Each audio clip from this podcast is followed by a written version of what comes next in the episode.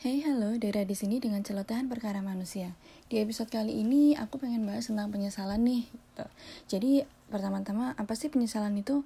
Penyesalan itu keadaan emosi yang kalian rasain ya biasanya ya. Dan itu biasanya bersifat negatif ya nggak sih? Yang menyalahkan diri sendiri gitu karena hasil yang buruk atau karena tidak melakukan apa-apa. Nah dari sini kenapa sih manusia itu banyak yang menyesal biasanya gitu? Kayak sebab-sebabnya itu biasanya kalian nggak mau memikirkan jauh gitu. Nggak mau berpikir jauh. Jadi kayak saat ini merasa sepi ya udah aku main gitu saat ini aku merasa pengen resign dari kerjaan ya udah aku resign saat ini aku galau teman-teman aku udah pada nikah ya udah aku nikah gitu tapi kalian kurang memikirkan jauh gitu kalian kurang berplanning 5 sampai 10 tahun mendatang Nah, biasanya sebab-sebab ini itu nggak kalian pikirkan atau nggak kepikiran gitu. Nanti kalau udah terjadi, uh, misalnya aku udah resign nih terus nikah, Nah, ternyata nikah itu nggak seperti yang kalian bayangkan. Nggak kayak di film-film Barbie yang happily ever after. Nah, ternyata eh, maaf-maaf mungkin kalian jadi kesulitan tentang finansial. Terus ternyata suami kalian belum bisa mencukupi kebutuhan kalian seperti sebelum kalian menikah gitu. Nah, atau mungkin contoh yang lain kayak hamil terus melahirkan gitu. Ternyata melahirkan itu ada proses menyusui ada proses merawat si bayi. Nah itu biasanya kalian belum berplanning. Nanti kalau udah terjadi kalian bingung aduh sekarang harus gimana nih? Aduh harus gimana nih? Nah di sini aku mau bicara tentang uh, kenapa ya banyak manusia itu tidak mau berpikir panjang. Biasanya sih yang pertama ya itu kalian takut keluar dari zona nyaman. Kayak ah nggak mau muluk-muluk mikir gitu sebenarnya kepikiran nih nah, mungkin kalau aku melangkah bakalan kayak gini nih gitu. Tapi akhirnya menyesal karena ternyata langkah kalian kalian pikir salah gitu. Atau kalian takut karena tidak melakukan apa-apa gitu. Jadi sebenarnya kalian tahu nih harus gini tapi udahlah nggak usah.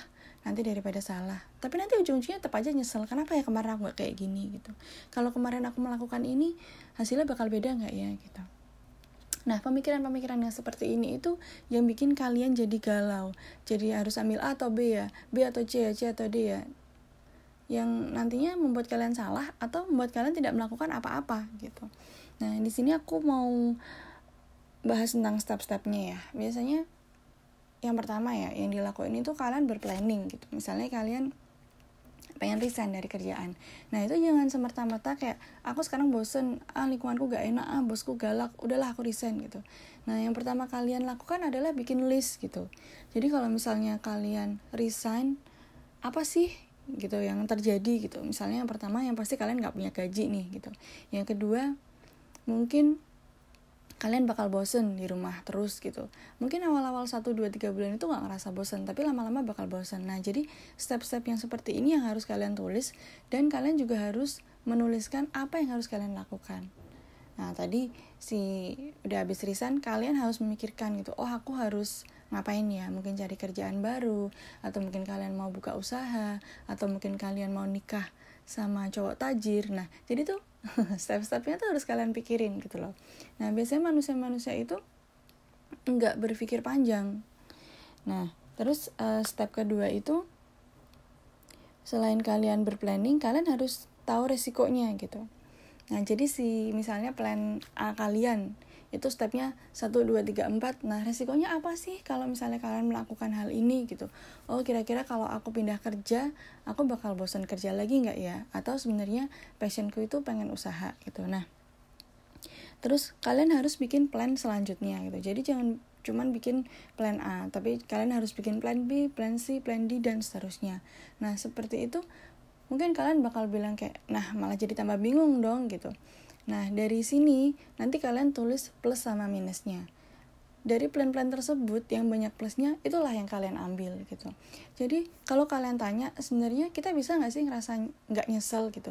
Mungkin kalau 100% ngerasa nggak nyesel uh, itu belum bisa ya tapi seenggaknya kalian bisa meminimalisir penyesalan kalian gitu jadi ibarat kalau kalian nggak berpikir panjang itu penyesalan kalian 100% tapi kalau kalian berpikir panjang kalian bikin planning kalian bikin step kalian bikin resikonya bikin plus minusnya mungkin saat kalian salah mengambil langkah atau kalian merasa ini kurang pas nih tapi itu cuma sedikit karena masih banyak plusnya gitu loh.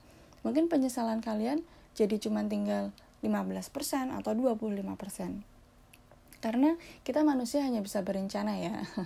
Tetap aja yang namanya hasil namanya takdir itu terkadang tidak sesuai dengan planning kita. Nah, tapi saat kalian berpikir bahwa hasil itu tidak akan mengkhianati proses itu adalah benar. Saat kalian berproses benar-benar, saat kalian berusaha benar-benar, saat planning kalian itu matang dan kalian mau berusaha dengan serius, dengan tekad yang kuat, insya Allah hasil yang kalian dapatkan itu juga yang terbaik gitu.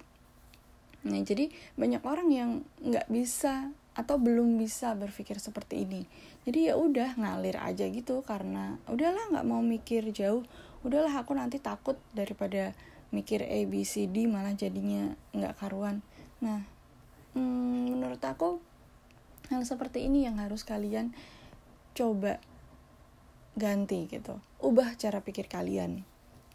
Bahwa semua hal di dunia ini tuh dengan mengeluh nggak selesai gitu. Nah dan manusia-manusia yang sudah terlanjur menyesal dan tidak mau berpikir panjang biasanya cuma bisa mengeluh dan stuck di situ. Padahal masa lalu tuh nggak bisa diganti gitu. Masa lalu tuh ya udah kita kita nggak bisa merubah masa lalu ya kan gitu loh. Yang ada adalah masa sekarang dan masa depan. Nah kalau kamu sudah menyesal kamu sudah mengeluh kamu sudah stuck padahal masa depan kamu itu belum terbentuk gitu loh. Jadi jangan jangan terkungkung dalam satu penyesalan itu gitu. Kamu harus bangkit kamu harus berniat untuk merubah hal itu. Karena masih ada masa sekarang dan masa depan yang bisa kalian rubah gitu. Jadi kalau udah masa lalu ya udah lupakan maafkan diri kalian gitu. Tapi jangan sampai membuat kalian terpuruk jangan sampai membuat kalian tidak bangkit lagi gitu. Jadi kalian harus bangkit buat menata hidup kalian lagi buat masa sekarang dan masa depan.